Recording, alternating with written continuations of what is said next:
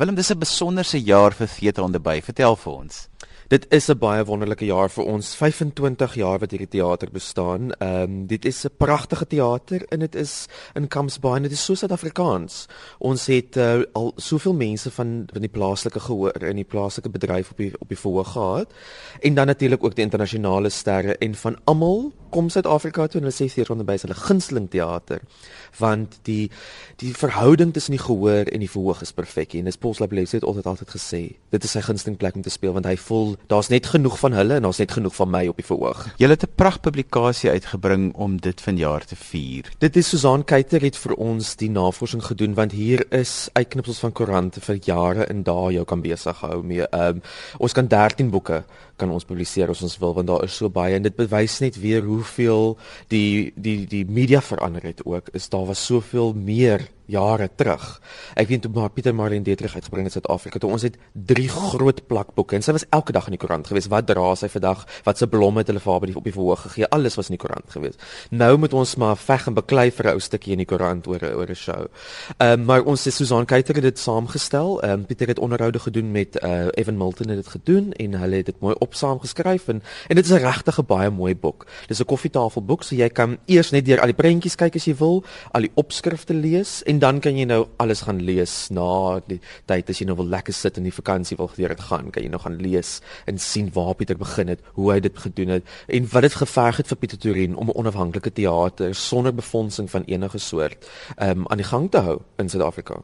En uh, dit is hoekom die boek so belangrik is vir ons en dit is lekker. Dit is lekker om te onthou waar was jy? Het jy dit gesien? Uh, wie was in die verhoog? Daar's fantastiese opskrifte soos Annelies Weiland en Toby Cronje in 'n stuk. En die August het 'n Afrikaanse uh, opskrif gehad gehad vir hulle produksie en Sandra Prinsloo at her best at the bay. Jy weet al daai lieflike onder opskrifte wat hulle gehad het vir die vir die shows by Theater on the Bay. En dit is geskiedenis, dis deel van ons land se geskiedenis. Dit is julle verjaardag maand. Ek weet mense kan dit lees in die publikasie, maar waar het dit alles begin? Dit het begin toe Pieter verbygery het en gesien het die gebou is te koop. En dit was een van daai dinge wat uh, aan hom gespreek het dat hy hy het by die Baxter baie jare vervaardig en natuurlik in Johannesburg by die Alhambra teater en um, en toe het hy dit gesien die gebou is net dadelik het hy geweet dis reg. Dis die regte ding om te doen. En in 1988 het hy dit na 'n jaar se werk daaraan geopen en ons het nog steeds die ou mure van die ou tram saal wat dit was, die die die die tram lokaal.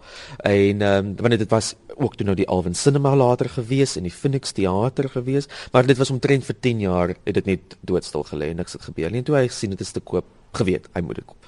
Willem, jy het 'n interessante 25 jaar gehad. Wat is die goed wat hy altyd uitlig om te sê dit was nou die appel ek sê daai grensproduksies waar hulle bietjie dit gedruk het in 'n rigting wat nie altyd so vir almal aanvaarbaar was nie. Ek dink vir Pieter sê altyd vir hom die belangrikste ding is um, hy het um, jare terug eh, 'n uh, kunstenaar uitgebring in Suid-Afrika toe wat van die voorga vir mense gesê dankie dat julle hier is en almal het gelag en gedink okay ja want dit is en hy het daai aand besef dit gaan oor die gehoor.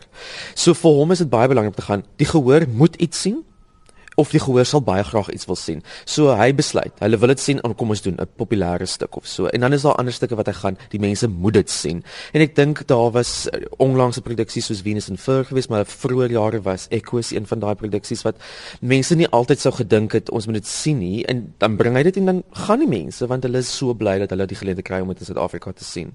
En ek dink Echoes was een van daai wat baie gevaarlik ook nog was om in Suid-Afrika te doen. Jy het 'n nuwe term amper in die teaterwese ingebring wat ons noem bonsai produksies. Dit is 'n baie klein teater, maar jy skram nie weg van groot produksies wat jy dan aanpas juis vir hierdie kleiner verhoog nie. Die bonsai konsep kom van die feit dat ons vir jou die groot musical wil gee, net soos hy is, maar kleiner. So dit alles is daar, maar waar jy byvoorbeeld 'n uh, 'n uh, geselskap van 40 sou gehad het, het jy 20. En die stel is 'n bietjie kleiner en daar's minder dansers en so, maar alles is hier gebeur hier voor jou. En dit is wat dit so asemrowend maak om hier te sit. En dit is toe ons Evita gedoen het. Die mense sê you must love me daar en Jim Bothwick daar in haar arms gesit en die trane het geloop en mense ons kon dit nooit sien op 'n groot verhoog kry jy nie daai intimiteit nie. En dit is wat die bonsai so fantasties maak dit begin om met 'n kantoor en om natuurlik 'n ander gehoor ook weer bietjie deur die teater te vat. Maar daar's net 250 sitplekke en as jy dink om 'n geselskap soos dit te betaal dis nie 'n geld geld maak storie hierdie nie kan ek vir jou sê. Pieter Dorin dit is absoluut omdat hy dit aan die gang hou en 'n liefde daarvoor het dat ons hierso is elke dag om die werk te doen. Jy het al van die groot groot name van oorsee gehad en mens sien dit ook in die boek. Is daar enige interessante staaltjies rondom die uitbring van hulle na hierdie teater toe? Ek dink een van die lekkerstes is uh, uh B Arthur wat toe sy uitgekom het. Ons het sy was sy het kaalvoet opgetree en iemand moes elke aand bietjie room smeer aan haar voete en sy het ook by die Mount Nelson gebly en Pieter het haar persoonlik elke aand na die vertoning het hy gery en na teruggevat na die Mount Nelson toe waar sy gebly het. Maar alles was nou wonderlik en almal was baie opgewonde, maar ons verhoogbestuurder Progress in Pande, weet jy wie sy is nie, hy gee nie om nie, dis net nog iemand wat hier kom optree en dit was vir haar die lekkerste deel van haar opvoering in Suid-Afrika. Was dit sy teater het gekom het en haar verhoogbestuurder was soos kom, kom ons is nou reg, is jy reg, kom ons gaan en sy het vir hom 'n pragtige foto geteken om te sê baie dankie vir hierdie ongelooflike ervaring. Nou wat vir my altyd interessant is is dat die verskeidenheid van produksies wat jy in 'n jaar vir gehore optes. Is daar enige filosofie agter dit behalwe dat jy iets gee wat mense graag wil sien? Ons soos ek sê, ons het nie befondsing. So, ons moet ook kyk daarna gaan ons geld maak of of gaan ons die mense die mense se salarisse kan betaal. So dit moet iets wees wat gaan kaartjies verkoop. Ons kan nie net rond speel nie. Ehm um, so dit is 'n baie belangrike aspek daarvan gaan ons kaartjies kan verkoop en gaan dit uh, mense dan die verskeidenheid om 'n bietjie musiek te gee, uh, en 'n bietjie drama te gee en 'n bietjie komedie en so voorts te aan te bied. Maar een van die ander dinge is ook die tye verander. Daar was 'n stadium wat mense baie lief was om net te sit deur 'n drama en te wrog en te geween en geknars van tande was vir hulle lekker. Nou wil mense dit nie sien nie. Die lewe is te moeilik en te swaar en daar is te veel van dit in die koerante. Mense wil kom sit en ontspan. So tye verander en soos die tye verander moet jy net nou maar aanpas by jou program en en en daar gebeur daar weer dinge oor see wat jy gaan ons moet hierdie produksie Suid-Afrika toe bring en mense sal albei daaroor maak nie saak wat nie. Op die oomblik het julle om die verjaardag te vier, julle vir Sunset Boulevard op die verhoog. Hoe vaar die produksie en is julle tevrede?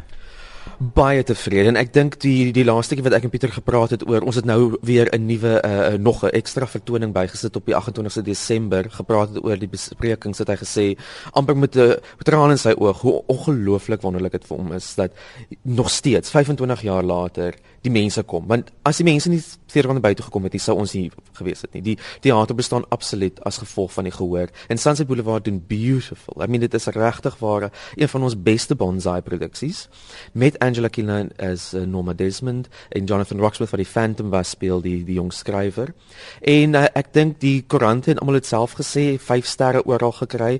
So dis sterk en ek wil hê almal moet dit kom sien want dit is 'n fantastiese produksie om mee 25 jaar te vier.